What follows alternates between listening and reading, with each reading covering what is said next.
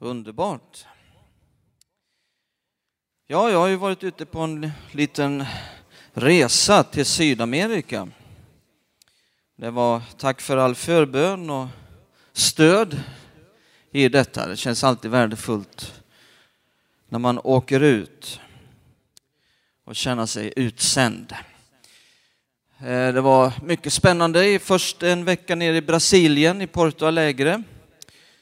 Och det var otroligt givande. Väldigt, väldigt givande. Mycket produktivt och effektivt. Och så värdefullt. Jag kände att där klarnade väldigt mycket. Jag åkte ner med mycket frågor ifrån vårt missionsråd och framtiden och en del av er känner till de här bitarna. Vi förmedlar ju en miljon kronor plus en del arv också till eh, Barnhjälpen i Brasilien. Och så vi hade en del frågor omkring framtiden och, och det är verkligen så att det hade inte klarnat här på hemmafronten utan dag för dag där nere med samtalen och allt som skedde där så klarnade en bild faktiskt. Jag var, kände mig inte klar med efter en dag eller två dagar men sakta så lades ett pussel och så kände jag nu kan jag sammanställa tankar och idéer och förslag. Och, så nu ska vi träffas och, och titta på det här och behandla det här vidare. Så får vi se vad som händer. Eh, och förhoppningsvis så kan vi ha någon form av Brasilienmöte här framöver, Brasilienkväll eller vad det nu kan bli. Vi får se vad missionsrådet kommer fram till och eh, vi har samtalat om de här bitarna. Sen åkte jag över till, till Bolivia. Åkte tidigt, en lördag morgon, fick gå upp mitt i ottan. Åkte med fyra olika flygplan tror jag det var. En, två, ja i alla fall tre. det var en lång resa. Eh, reste hela dagen och kom fram eh, sju på kvällen. Och det första jag skulle göra var att predika i ett nattmöte halv två. Vad är detta för ett land jag kommit till? Alltså är det dags att ändra gudstjänsttid tänkte jag. Nej, det var mitt i påsken och då är det lite tradition. Jag vet det för jag har ju bott i Latinamerika. Så de, det var på någon stadion där och det var spännande. Men man var ju inte direkt pigg. Efter att liksom bara sovit lite grann natten innan, upp klockan fyra på morgonen, rest hela dagen. Och, och sen var det bara att gå och lägga sig efter det, halv tre på natten och sen upp, för sen hade jag en gudstjänst klockan nio på morgonen. Och efter det klockan elva dessutom. Två gudstjänster på söndag förmiddag. Var klar halv två på förmiddagen, eller på, jag visste inte vad det var, om det var förmiddag eller eftermiddag, för då var det liksom bara slänga sig i sängen. Och sen hade vi två härliga bibelskoleveckor och det är så underbart att se Gudsordet förvandla människors liv. Det finns sån kraft i Guds ord och Gud gjorde mycket under de två veckorna. Om du har din bibel med dig får du gärna slå upp den till Romarbrevet 8. Vi var iväg igår också, ett antal ledare härifrån till Värnamo. Ungefär 3000 ledare inom pingst i Sverige genomgår ju nu pingstledarutveckling. Umeå, Västerås nästa helg, då har vi väl upp mot en 20 stycken härifrån som åker till Västerås. 15 nästa lördag till Västerås. Och det var mycket, mycket bra. 1300 av dessa 3000 befann sig i Värnamo igår. Mycket givande dag. Romarbrevet kapitel 8. Vi ska läsa vers 15 till 17. Men innan vi läser så ber vi tillsammans. Fader Gud, i Jesu Kristi namn, vi ber för fortsättningen av den här gudstjänsten och vi ber att vi ska få möta dig. Vi har inte kommit hit för att möta någon människa, höra någon människa, utan vi vill få möta dig. Låt din helige ande verka mäktigt här idag. Gör samma gärningar som du alltid har gjort. Förvandla människors liv. Låt ditt ord, låt din kraft, låt din heliga ande förvandla människors liv. Vi öppnar våra hjärtan. Väck vårt hjärtas öron till att höra på lärjungars sätt. Låt ditt ord vara en, en lampa för våra fötter. Låt det vara någonting som dirigerar, låt det vara någonting som korrigerar. Så att vi får komma in i den glädje, den frid, det liv som du har för oss. I Jesu namn ber vi. Amen. Romarbrevet 8 står så här i vers 15 till 17. Ni har inte fått slaveriets ande så att ni på nytt skulle leva i fruktan. Nej, ni har fått barnaskapets ande i vilken vi ropar Abba, Fader. Och Abba här betyder nu inte popgruppen Abba eller Abbas sill, utan det är ett arameiskt ord som betyder pappa. Pappa, fader. Anden själv vittnar med vår ande att vi är Guds barn. Men är vi barn är vi också arvingar. Guds arvingar och Kristi medarvingar. Jag har ett tema här idag som heter Lär känna din himmelske fader. Lär känna din himmelske fader. Utifrån de här bibelverserna och utifrån eh, hela bibeln eh, så kan man se väldigt tydligt att andligt sett så finns bara två familjer på den här jorden. Andligt sett. Andligt sett så finns bara två familjer. Eh, den ena familjen är Guds familj. Den andra familjen är djävulens familj. Det är Bibelns tydliga undervisning. Ehm, och, och, Det är inte så som en del tror på en del håll att Gud är allas far och jorden är allas mor. Så är det inte. Jesus sa till och med till fariseerna vid ett tillfälle, en av eh, alltså de, de, de mest eh, religiösa, de mest eh, pliktfyllda religiösa människorna som sa vi har Abraham till vår far. Nej, sa Jesus, ni har djävulen till er far. Har du något problem med det så gå och diskutera med Jesus. Det var, jag som, det var inte jag som sa det, det var han som sa det. Ehm, och ibland är ju Jesus så radikal så vi andra har svårt att hänga med. Det var vad han sa till fariséerna. Och Johannes skriver också i sitt första brev, så talar han om Guds barn och han talar om djävulens barn. Ehm, jag kommer ihåg en gång för en del år sedan, det var en, en, eh, en härlig vän som hade blivit frälst. Han hade haft problem med spriten tills han var under hela sitt vuxna liv. Han var runt 50 år, han hade varit på en behandling, han hade blivit nykter. Och det hade verkligen hjälpt honom, men han hade inte liksom, det var inte en behandling där han mötte Jesus, utan det var något som fattades. Och så fick han möta Jesus till frälsning också. Och han hade det jobbigt i, i de första tiden, de första två åren innan det blev riktig stabilitet.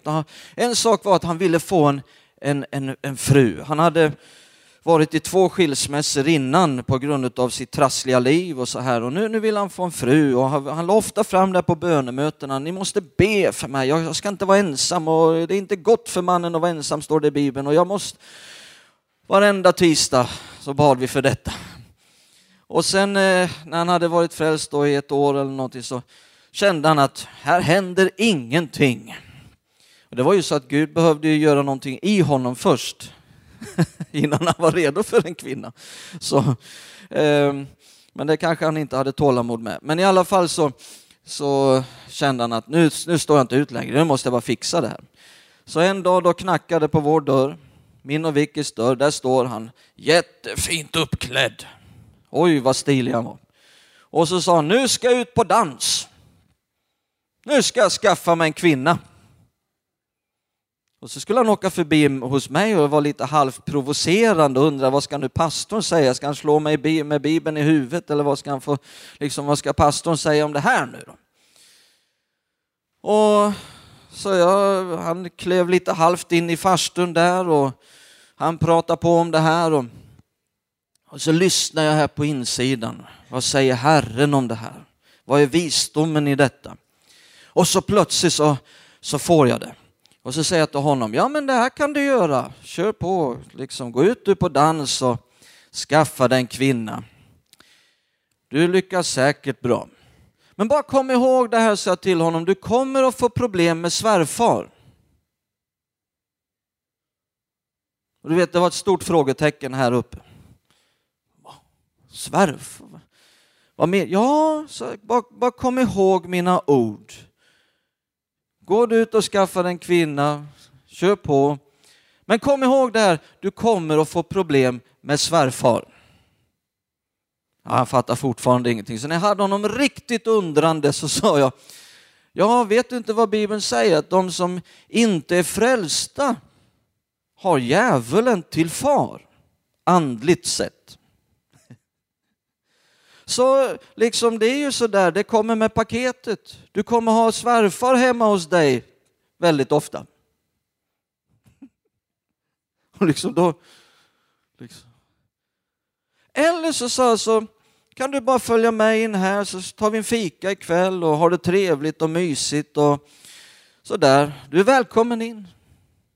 Ja, sa han, jag tror jag följer med in här istället.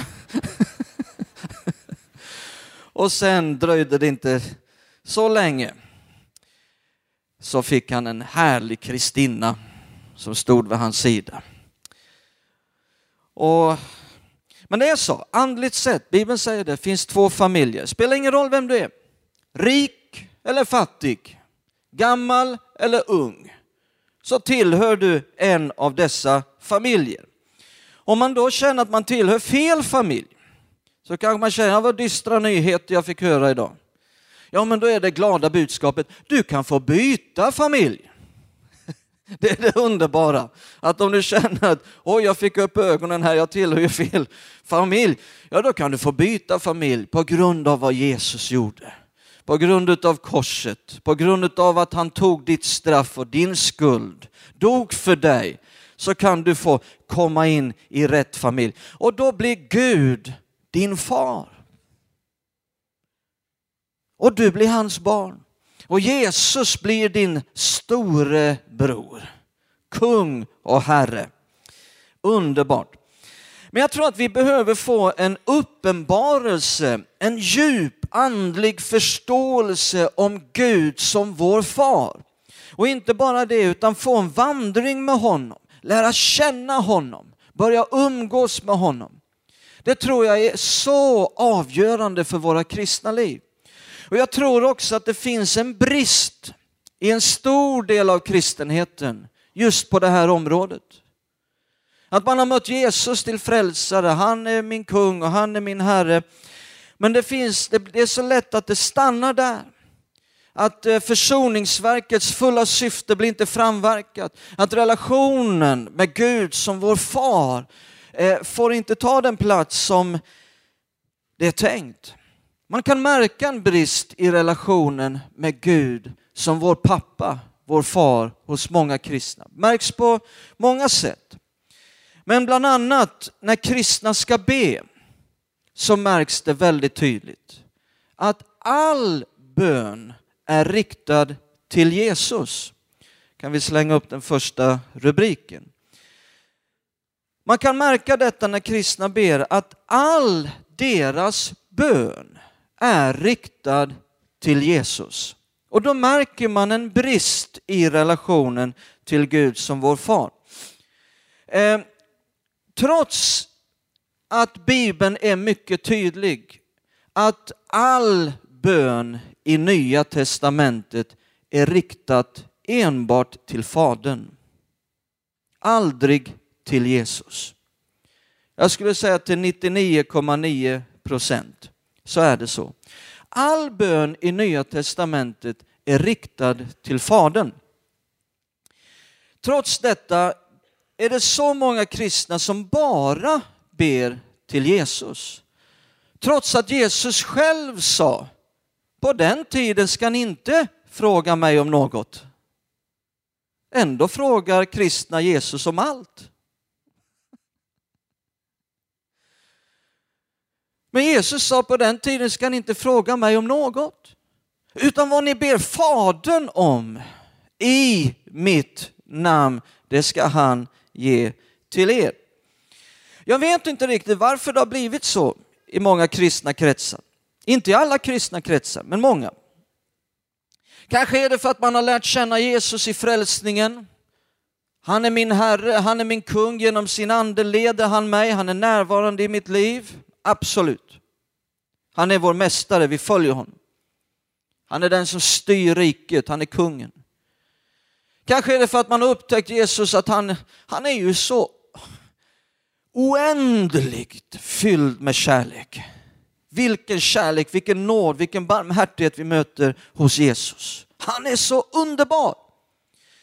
Men Fadern, det är nog en sträng figur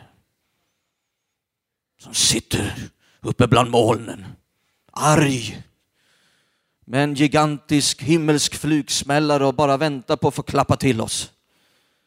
Han vågar vi inte närma oss. Skulle vi göra det, skulle vi drista oss till det, får vi trippa på tå lite försiktigt för han tittar nog snett på oss. Filippus, lärjungen, sa till Jesus, låt oss se Fadern så har vi nog. Och Jesus sa, så lång tid har du varit med mig och inte fattat. Jag tror Jesus säger det till många kristna också, så lång tid har du varit med mig men inte fattat. När du har sett mig har du sett Fadern. För det jag gör, det är inte jag som gör det, det är Fadern i mig som gör det. Det jag säger, det är inte jag som säger det, det är Fadern i mig som säger det. Fadern är precis som Jesus. Jesus uppenbarade Fadern för oss, visade oss Fadern, pekade på Fadern, ville leda oss till Fadern. Jag tror att det kanske ibland kan vara på det sättet, att man har en felaktig bild om just fadersrollen. Kanske man också har vuxit upp med en felaktig pappa och har en slags felaktig bild. Men den helige ande, Jesus, Guds ord, kan hjälpa dig så att du får den här relationen, för den är helt avgörande för ditt kristna liv. Och jag skulle vilja göra en bibelvandring, det är inte alltid jag gör det, det är sällan jag gör det, men ibland är det ett, en metod att undervisa Guds ord på. Det är att helt enkelt göra en bibelvandring och jag älskar bibelvandringar. Vill du göra en liten bibelvandring med mig genom Nya Testamentet? Vi går till Matteus 6. Jag vill lägga upp hela bibelställena nu på skärmen. Matteus 6. Vi ska börja Matteus, så ska vi vandra framåt genom Nya Testamentet och läsa bibelställen om bön och se vem är bönen riktad till. I Matteus 6 och vers 6 så står det, när du ber, du kan följa med på skärmen, Matteus 6 och 6. Så står det, när du ber, när du ber. Nu ska vi se så jag hittar rätt kapitel. Gå in i din kammare, stäng din dörr och be till, vem då? Din fader i det fördolda. Då ska din fader som ser i det fördolda belöna dig. Som du inte ber till Fadern så är det inte säkert att du får någon belöning heller. Vers 8.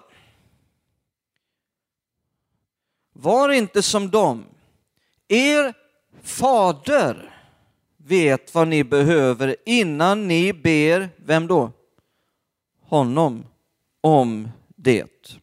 Vers 9. Så skall ni be. Ja, det är det vi talar om den här förmiddagen. Hur ska du be? Hur ska du be? Sen om man har bett fel i 30 år, då kanske det inte är så roligt att inse det. Men det är inte desto mindre viktigt att man då ändrar det. För att få uppleva det som Gud vill att du ska få uppleva. Guds ord är vår auktoritet, det vi ödmjukar oss inför. Vers 9. Så skall ni be. Jesus vår som är i himlen. Nej. Käre Jesus. Nej. Fader vår. Det här är inte en bön som man bara ska be vid vissa religiösa sammankomster. Nu ska vi be Fader vår. Det här är en instruktionsmanual för ett rikt böneliv. Fader vår som är i himlen. Helgat blive ditt namn. Hela den här bönen är riktad till Fadern. Matteus 7, gå fram ett kapitel, vers 11. Vers 11. Jesus säger, om ni som är onda förstår att ge era barn goda gåvor, hur mycket mer skall då inte er fader som är i himlen ge det som är gott åt dem som ber honom. Vill du ha det goda? Be till rätt person. Ja, men inte Jesus Gud. Ja, nu, jag tror på treenigheten så du kan vara helt lugn. Men jag är inte här för att undervisa om Jesu Gud och treenigheten, utan om ordningen inom treenigheten. Det finns en ordning inom treenigheten. Okej? Okay? Titta nu i kapitel 18, Matteus 18. Jesus undervisar oss.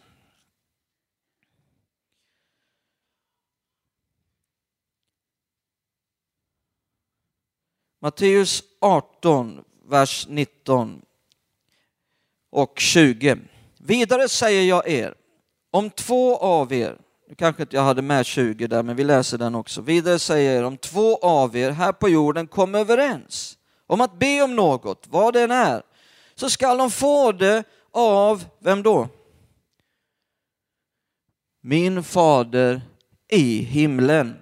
Nästa vers säger, till det två eller tre samlade i mitt namn, där är jag mitt ibland dem. En del tror att det där versen, den ska man citera när det är lite folk på mötena. Det är den enda gången en del läser det bibelstället, vers 20. När det blev lite folk på mötet så vill de trösta sig själva och alla andra som har kommit och för liksom hålla modet uppe. Ja, det är två eller tre samlade i hans namn, där är Jesus mitt ibland oss. Det är inte ett, ett bibelställe för det tillfället, utan det är ett bibelställe när du plus en till ber. Och han har talat om församlingen i sammanhanget och auktoriteten som församlingen har i Jesu namn. Men det behövs inte hela församlingen samlade, utan det räcker om två är samlade. Så kan de använda det dyra namnet Jesus inför Fadern. Och då säger Jesus, när ni ber till Fadern i mitt namn så är jag där för att göra det ni ber om. Halleluja. Johannes, vi tar ett evangelium till. Vi skulle kunna ta Markus evangelium, Lukas evangelium, men för tids skull. Vi tar Johannes som då har en liten annorlunda prägel. Titta Johannes 15, vers 16. Ni har inte utvalt mig, utan jag har utvalt er och bestämt om er att ni ska gå ut och bära frukt, sådan frukt som består, för att Fadern, kan han säga Fadern, må ge er vad ni än ber honom om i mitt namn. Jag har inte tid att gå in på det här idag, vad namnet Jesus betyder. Jag skulle kunna, jag skulle kunna predika mig själv glad här hela förmiddagen bara om namnet Jesus. Vad dyrbart det är. Det är det som öppnar upp hela himlen, det är där som fullmakten ligger, det är, det, det är där som den lagliga rätten finns. Och jag har inte tid att undervisa om lag och ordning i den andliga dimensionen, men hela den andliga dimensionen bygger på lag och rätt. Gud är en domare, Satan är en åklagare, eller hur? Och Jesus är en advokat som manar gott för oss på Guds högra sida. Förespråkare står det i gamla översättning, King James säger till och med advokat. Han har skaffat rätt, en möjlighet för det som är i himlen att ske på jorden. Men då måste vi agera rätt i den andliga dimensionen.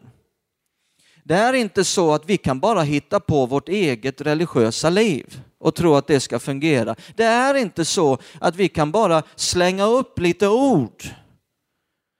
Att vi kan eh, hitta på vårt eget religiösa sätt att be på och tro att det ska fungera och ge några resultat. Bönesvar uteblir ofta på grund av att man ber obibliskt.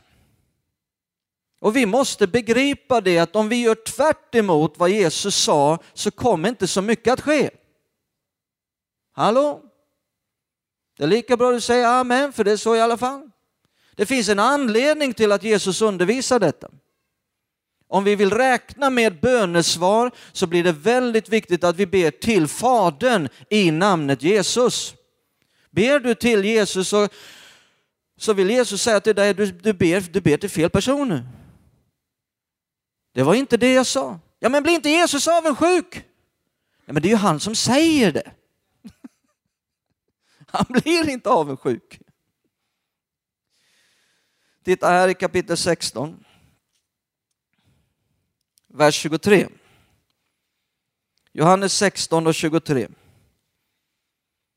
Den dagen kommer ni inte att fråga mig om något. Amen. Kan man få ett amen på det? Amen, amen säger jag er. Vi behöver också få liksom få amen, amen. Inte nämen, nämen. Inte ja, men. Jag vill be som jag vill och jag har alltid bett så här. Nej, amen behöver det bli. Amen, amen säger vad ni ber Fadern om i mitt namn, det skall han ge er. Hittills har ni inte bett om något i mitt namn. Bed och ni skall få för att er glädje ska vara fullkomlig. Detta har jag talat till er i liknelse, men det kom en tid då jag inte längre ska tala till er i liknelser utan öppet förkunna för er om Fadern. Den dagen skall ni be i mitt namn. Och jag säger inte att jag ska be till Fadern för er, ty Fadern själv älskar er. Jag hade inte med det där, men jag vill läsa det. Fadern själv älskar er. Halleluja. Vilka löften som Jesus ger. Vi fick ett härligt bönesvar här i veckan. Mina, min ena dotter kontaktade mig, jag var i Bolivia, och sa nu vi måste få en lägenhet. Det är bostadsbrist uppe i Stockholm. De har bott inackorderade nu sedan vi flyttade till eh, Skövde. Och i ett års tid så har vi försökt att hitta en lägenhet till dem. Oh, de klarar sig bra och så vidare, men det är liksom en stor önskan att de också ska kunna gå vidare från inackorderingen till att få en lägenhet. Och det har gått ett helt år. Och, då, och hon frågar, men gör ni någonting? Letar ni bostad? Hjälper ni oss? Ja, vi, vi letar. Men då sa jag till henne från Bolivia att nu måste vi gå till Gud med detta. Har du varit där någon gång? När du känner, varför har jag väntat så länge? Det har varit många gånger. Man har försökt och man har försökt och man har försökt. Till slut kommer man till vägs ände. Och man känner, men varför bad jag inte tidigare? för? Hur länge ska man behöva leva innan man begriper? Liksom? Så länge har du varit med mig, säger Jesus till mig, och du har inte fattat någonting.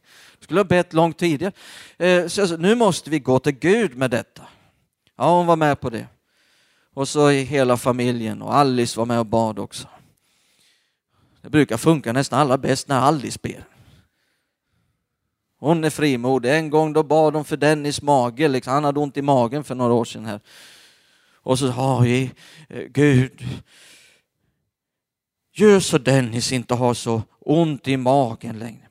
Ja men gör något då! Det är pang på när hon ber. Jag, jag tror det gick två dagar. Så var lägenheten där.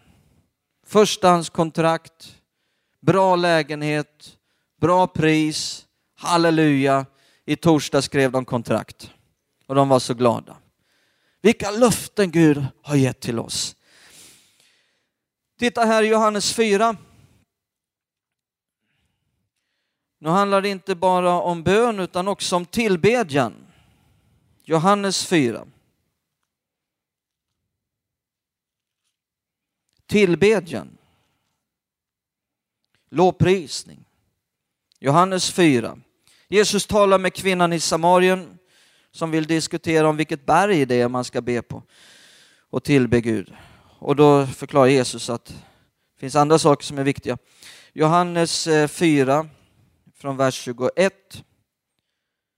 Jesus svarade, tro mig kvinna, den tid kommer då det varken är på detta berg eller i Jerusalem som ni ska tillbe, vem då? Fadern. Ni tillber vad ni inte känner.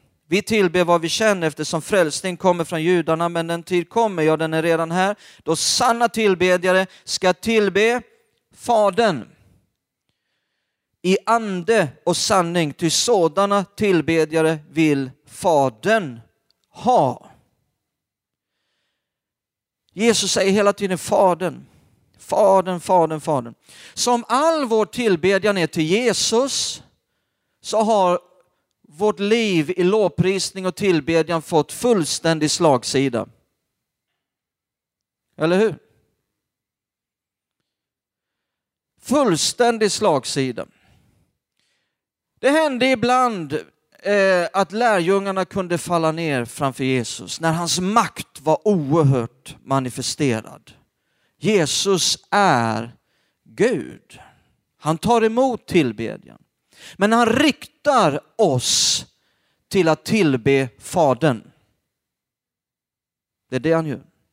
Och i all vår tillbedjan riktad till Jesus har vårt liv i lovprisning fått fullständig slagsida. Jesus sa, det är Fadern ni ska tillbe.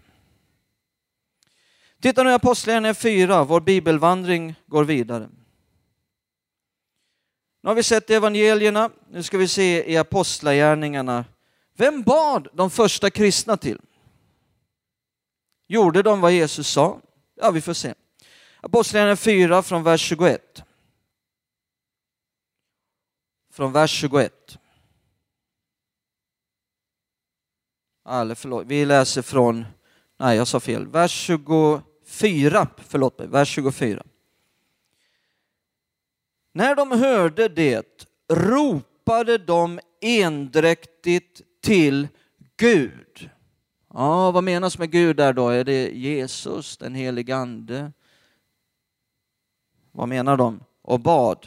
Sen står det Herre, Herre, du. Ser ni att de ber till en person nu? Inte till hela treenigheten, en person, du. Okej? Okay? Du som har skapat himmel, jord och hav och allt som är i dem. Vem är det de ber till? Det är inte klart än. Du har sagt genom den helige ande. Så det kan inte vara den helige ande de ber till nu, eftersom den helige ande nämns i tredje person. Är ni med?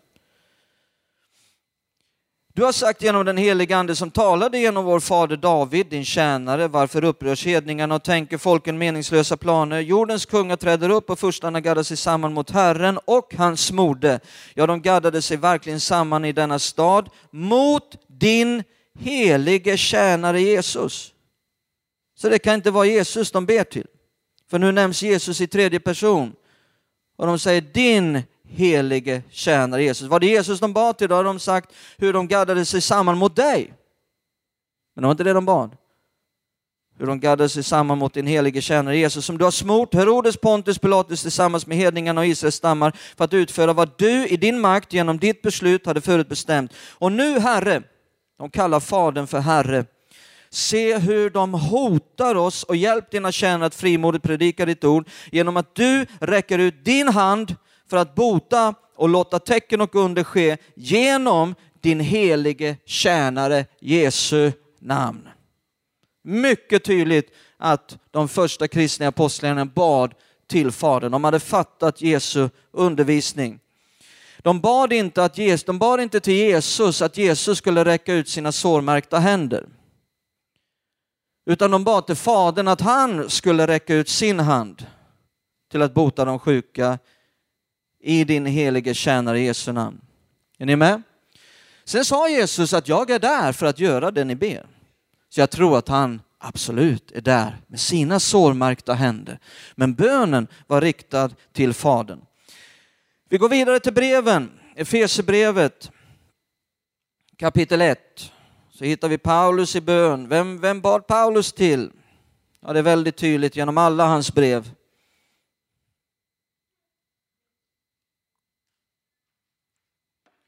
Efesierbrevet 1 och vers 17.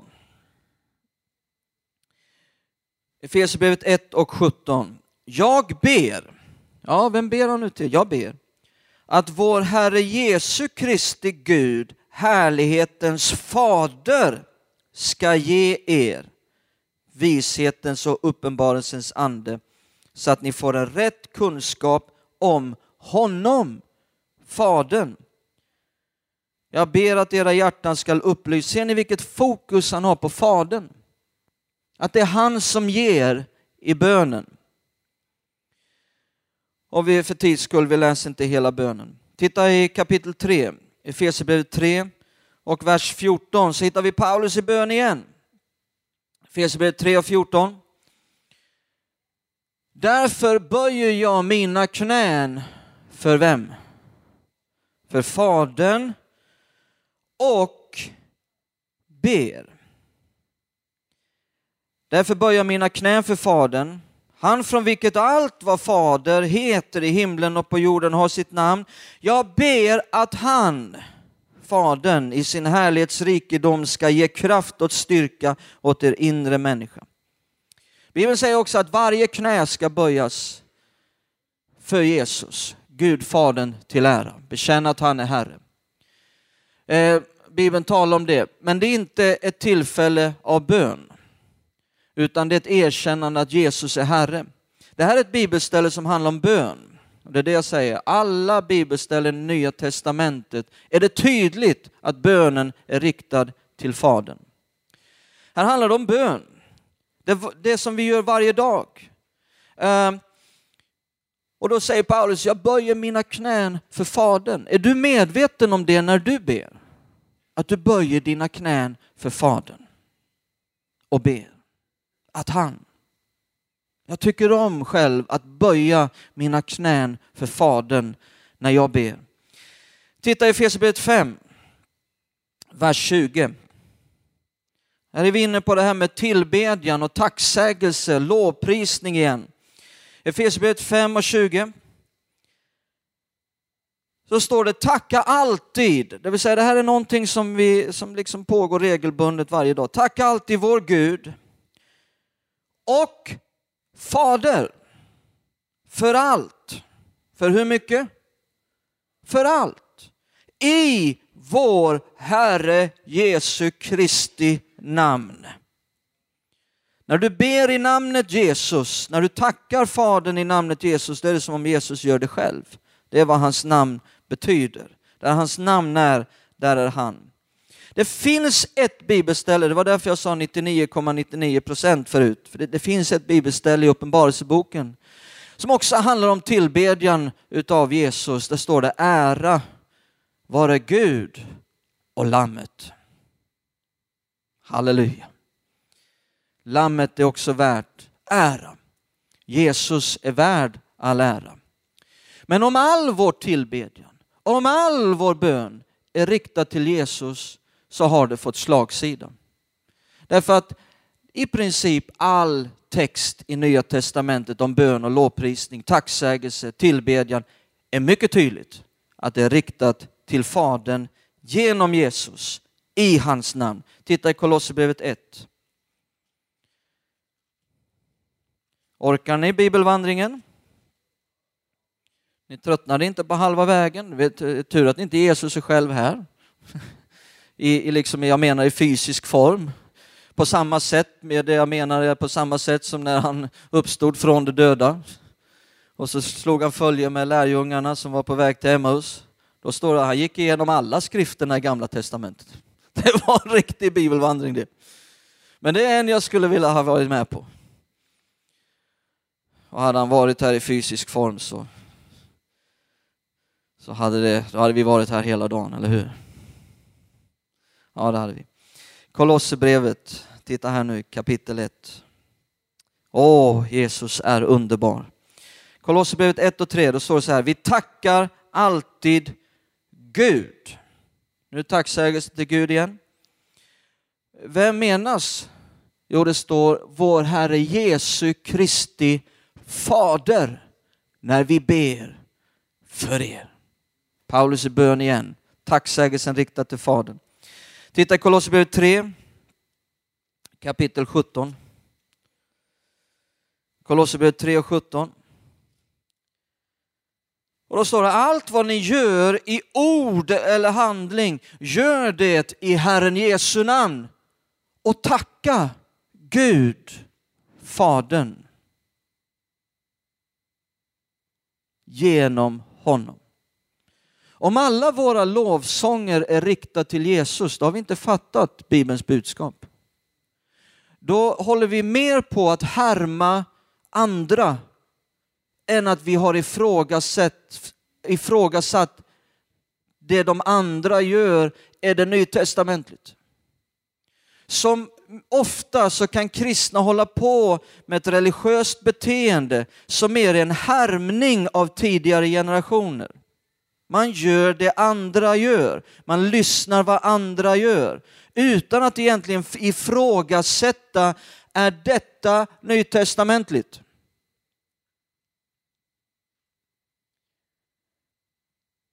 Vi går vidare till första Thessalonikerbrevet. Första Thessalonikerbrevet kapitel 1. Första Thessalonikerbrevet kapitel 1 från vers 1 till 3. Från Paulus, Silvanus och Timoteus till församlingen i Thessalonika som lever i Gud, Fadern och Herren Jesus Kristus. Nåd och frid vare med er.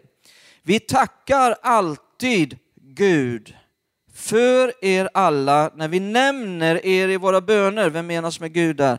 I vers 3 står det, ty inför vår Gud och Fader tänker vi ständigt på er gärning i tron, ert arbete i kärleken och er uthållighet i hoppet till vår Herre Jesus Kristus.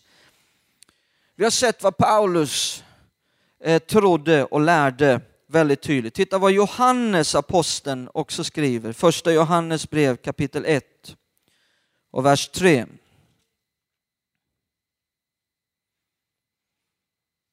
Första Johannes brev 1 och 3, en underbar vers. Och där står det så här. Det vi har sett och hört förkunnar vi för er för att också ni skall ha gemenskap med oss och vår gemenskap är med Fadern och hans son Jesus Kristus. Du behöver inte vara ängslig, jag är inte här idag för att ta ifrån dig din gemenskap med Jesus. Halleluja vad den är dyrbar. Betyder allt. Eller hur? Det finns en dyrbar, han är vår kung. Han är kung i riket. Han är vår Herre. Det är honom vi följer, det är honom vi lyder. Det finns en gemenskap med honom genom hans ande. Och den heliga ande står det påminner oss om allt vad Jesus har sagt. Förhärligar honom, står det. Vittnar om honom. Åh, vi behöver vara fyllda av Jesus. Prisad vare Herrens namn. Jag är inte här för att ta ifrån er det. Men Jesus och hela Nya Testamentet är dock tydligt. När du ska be, när du ska be, be till Fadern i hans namn. För titta vad Johannes sen säger i kapitel 3. När det handlar väldigt tydligt och direkt om bön. I första Johannes brev 3 så står det från vers 21. Mina älskade, om hjärtat inte anklagar oss är vi frimodiga inför Gud. Vem menas med Gud? Bibeln kallar också Jesus för Gud. Det är därför jag ställer den frågan hela tiden. Jesus är Gud. Titta nu vad det står. Vad vi än ber om, det får vi av honom. En person, singular. Vad vi än ber om, det får vi av honom. Eh, ty vi håller hans bud och gör det som gläder honom. Ja, vem är det det talar om då? Jesus eller är det Fadern? Vers 23 står det, detta är hans bud att vi ska tro på hans son Jesu Kristi namn. Där kommer namnet Jesus igen. Och älska varandra så som han har befallt oss. Återigen är det väldigt tydligt för aposteln Johannes att bönen är riktad till Fadern. Oerhört tydligt. Men det var ju detta som Jesus kom för att utföra. Nu kommer min andra punkt. Vi får nog avsluta med den. Jag tror inte jag hinner min tredje punkt. Den kan vi ta en hel härlig predikan om sen. Jesu uppdrag var ju att föra oss till Fadern, inte till sig själv. Om du har trott det så har du inte full, till fullo förstått försoningsverket och uppdraget och målet. Slutmålet är inte att stanna vid Jesus. Det är inte vad Nya Testamentet lär. Titta i Uppenbarelseboken. Så har vi gått ända fram till Uppenbarelseboken. Jag lovar, vi ska inte gå in i kartboken också. Nu har vi gått från Matteus till Uppenbarelseboken. Titta nu här i Uppenbarelseboken 1. Vi hittar hela treenigheten, men jag ska inte visa allt som finns i de här verserna, utan bara läs ifrån vers 5 och så 6. Uppenbarelseboken kapitel 1. Och då står det, och från Jesus Kristus, det trovärdiga vittnet, den förstfödde från de döda, härskaren över jordens kungar, han som älskar oss och har friköpt oss från våra synder med sitt blod.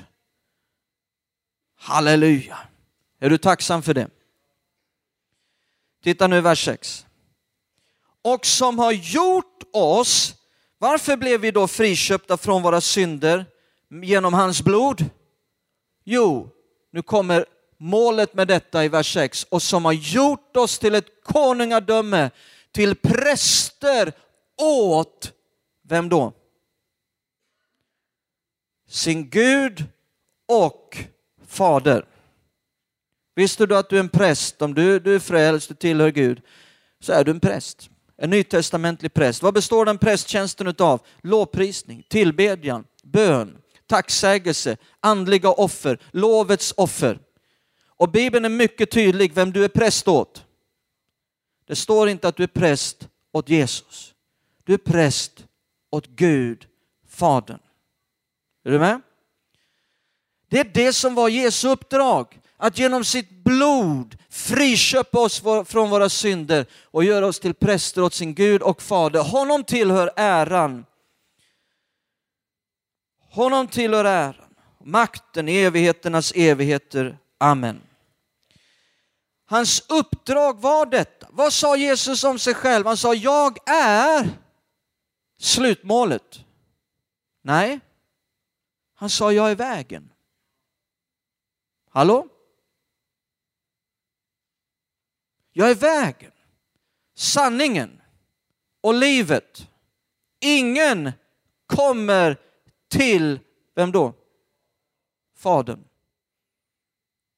Utom genom mig. Så om all vår bön är riktad till Jesus, då har försoningsverkets slutmål och stora syfte inte framverkats i våra liv. Det är när vi får relationen, vandringen med Fadern. Där vi böjer våra knän, där hela vårt inre ropar Abba fader. Som slutmålet för försoningsverket har blivit framverkat. Titta i Galaterbrevet 4. Vet, jag har varit på bibelskolan nu i två veckor så jag är så inne i lärartjänsten nu så det är det enda som gäller nu den här söndagen. Men ibland är det det som hjälper oss mer än någonting annat när måndagen kommer. Galaterbrevet 4, vers 4. Så står det följande.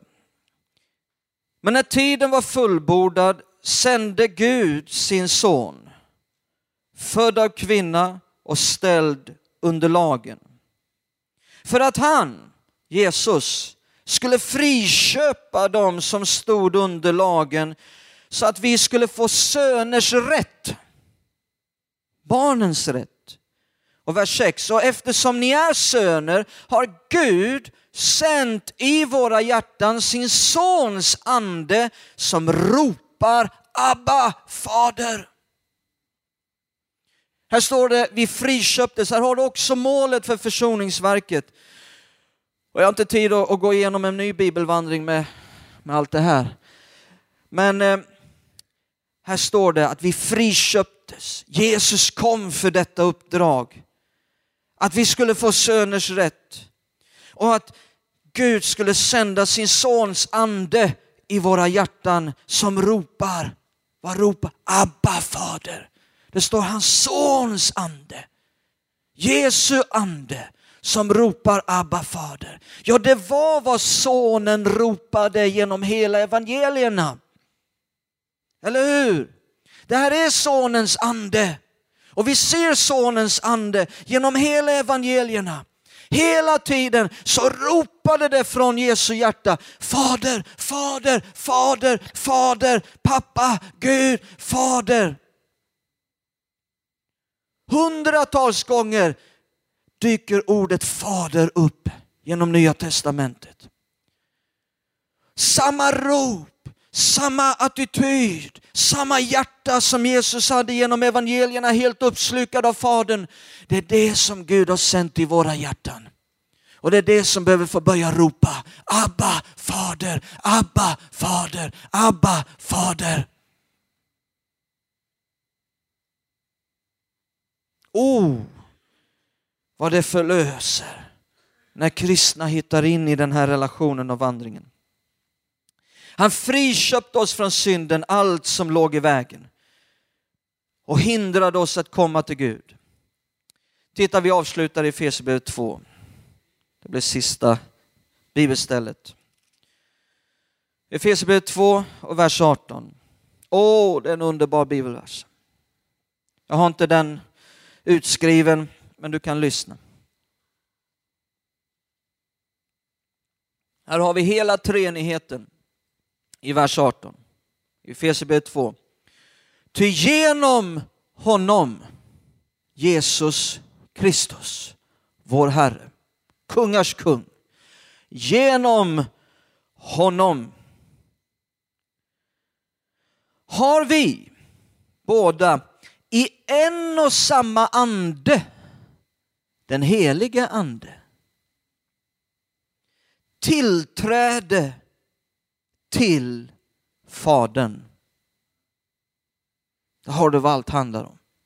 Genom Jesus, i den helige Ande, har vi tillträde till Fadern.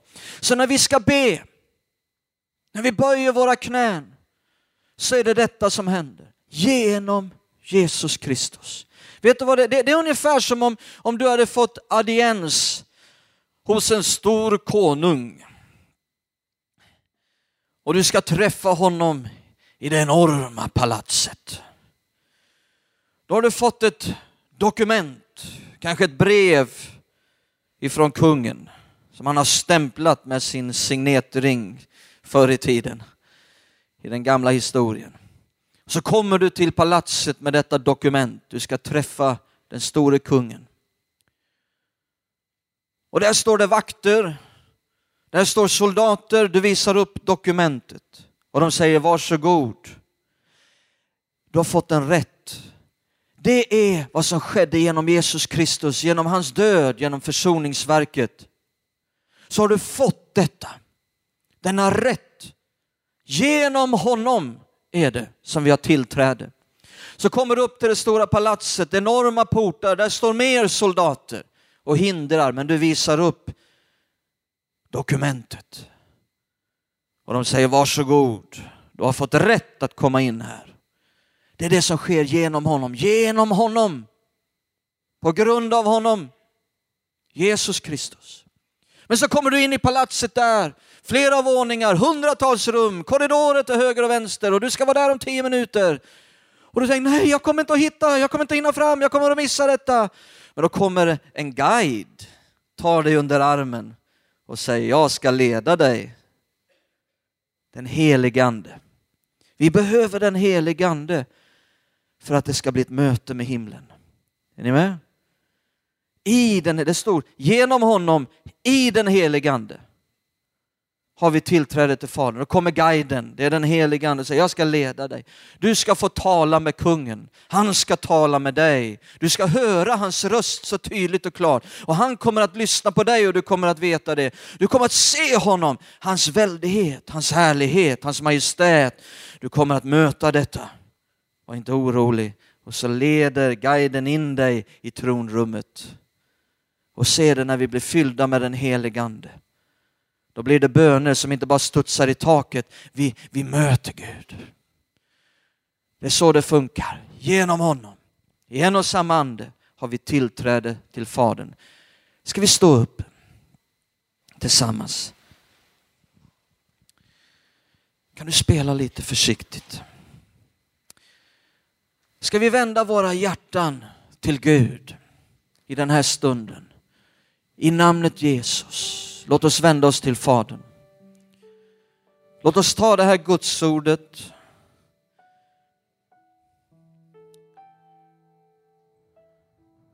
Gå hem och pröva det. Pröva allt vad som sägs. Pröva allt vad jag säger. Studera din bibel. Ingen människa är fullkomlig. Därför är det viktigt att vi prövar allt som sägs. Du har ingen rätt eller låt mig säga tvärtom, du har ingen skyldighet att grunda ditt liv på vad någon människa säger. Det är Guds ord som är vår auktoritet. Men pröva utifrån Guds ord som rättesnöre. Inte utifrån dina känslor, utifrån ditt förstånd eller vad du tycker. Utan utifrån Guds ordet. Låt oss ta det här gudsordet inför Gud just nu, var och en. Så formar vi en bön, ett par minuter. Jag vill göra en, en enkel inbjudan här i slutet. Till var och en som, som säger Sven, jag har inte tagit det här steget. Jag är inte det här som ni kallar för frälst. Jag skulle inte kalla mig för en kristen. Jag har inte levt som en kristen, men, men du säger, idag vill jag fatta det beslutet. Jag vill ta det steget idag. Jag vill att Jesus ska komma in i mitt liv. Jag vill följa honom. Jag vill säga ja till honom. Jag vill att han ska vara min Herre och min frälsare. Jag vill få tillhöra himlen. Jag vill veta att det är där jag kommer den dagen jag slutar jordelivet. Du kan få veta det innan du går härifrån idag. Vi ska alldeles strax be en frälsningens bön.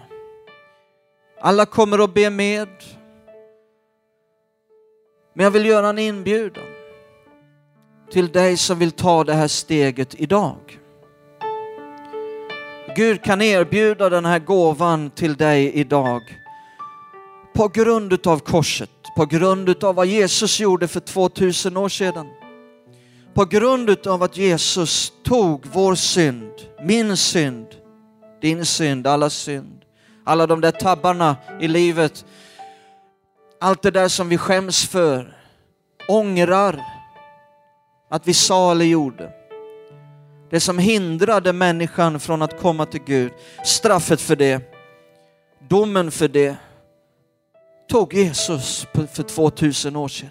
Han var oskyldig, men han gick in i vårt ställe. På grund av det kan Gud sträcka ut sin hand till dig just nu med denna gåva, evigt liv, syndernas förlåtelse, att himlen blir ditt hem, att han blir din far, att du får tillhöra hans rike, vara hans barn. Du kan säga nej tack. Jag vill inte ha det. Jag förkastar det. Jag behöver ingen frälsare. Valet är ditt. Du kan också säga ja tack, jag behöver det. Jag behöver Jesus som min frälsare och Herre. Jag behöver att han dog istället för mig. Valet är ditt. Jag ska räkna till tre. Skulle vi kunna böja våra huvuden och sluta våra ögon bara en liten stund av respekt för varandra och denna stund. Vi böjer våra huvuden och sluter våra ögon. När jag kommer till tre, om du vill ta emot Jesus som din frälsare och din Herre, om du vill ta emot det eviga livet, om du vill få tillhöra himlen, om du vill bjuda in Jesus i ditt liv, så bara räcker du upp handen riktigt högt. Räck upp din hand när jag kommer till tre. Vi ska alldeles strax be den här frälsningens bön. Ett. Gör din hand redo. Vill du vara med och säga ja tack när vi ska be denna frälsningens bön? Två. Här kommer det, gör din hand redo. Tre. Räck upp din hand. Gud välsigne dig. Gud välsigne dig där nere. Gud välsigne dig. Gud välsigne dig. Finns det någon mer här idag? Jag väntar lite grann. Det här är det viktigaste som sker. Ska du säga ja tack? Vi ska alldeles strax be denna frälsningens bön. Finns det någon mer som vill säga ja tack? Gud välsigne dig. Jag ser dig, din hand. Den är så dyrbar. Din hand är så dyrbar inför Gud. Jesus sa när en, en vänder om för att följa mig så blir det glädje i hela himlen. En, finns det en till som ska säga ja tack här idag. Jag tar emot. Finns det någon mer? Jag dröjer lite för det är det viktigaste som sker. Då ber vi tillsammans. Kanske du är ovan att be, du kan be efter mig. Jag leder, ber före. Vi ber alla tillsammans. Himmelske Fader, i Jesu namn. Jag tror att Jesus dog för mig. Att det var mina synder han bar. För att jag ska leva i all evighet. För att jag ska få tillhöra dig. Och jag ber dig nu Gud om frälsningens gåva. Jag vill göra Jesus till min Herre och min frälsare. Jag vill följa honom från denna dag in i all evighet. Låt mig få vara ditt barn. Låt mig få tillhöra ditt rike. Jag tackar dig att du älskade världen så mycket. Att du gav din enfödde son för att var och en som tror på honom skall inte förgås utan ha evigt liv. Tack Gud att du räddar mig. Tack att du frälser mig. Tack att jag får tillhöra ditt rike från och med denna stund. I Jesu namn. Amen. Vill också säga här innan vi avslutar gudstjänsten, vi ska också ha en medlemsintagning, att om du kom hit idag och du bar med dig någonting du känner, jag vill att någon ber för mig. Kanske att du går igenom någonting svårt i ditt liv, vad det än är. Vi finns här för att be för dig. Jesus är här. Han är Emanuel som är med oss alla dagar inte tidens ände. Han sa där två eller tre är samlade och ber till Fadern i mitt namn, där är jag, mitt ibland dem. För att göra det som ni ber Fadern om. Jesus är här. Halleluja. Miraklet är ditt idag. Jesus är densamme igår, idag, sak, och evighet. Han är här för att göra det han gjorde för 2000 år sedan när han gick på jorden. Han botade de sjuka, han reste upp de svaga. Han förlät människor. Han hjälpte människor som hungrade, som inte hade vad de behövde. Åh, han bara göt ut Guds kärlek och Guds nåd över människor. Han är här idag. Och vi är här idag för att be för dig. Och vi har förebedjare som är speciellt förberedda för att be för dig. Jag finns också här efter gudstjänsten. Simon är här också eh, efter gudstjänsten. Vi ber gärna för dig. Vi finns här på de främre raderna. Vi ska ha en liten medlemsintagning också. Kanske att vi får någon mer sång också, men jag lämnar över till Simon.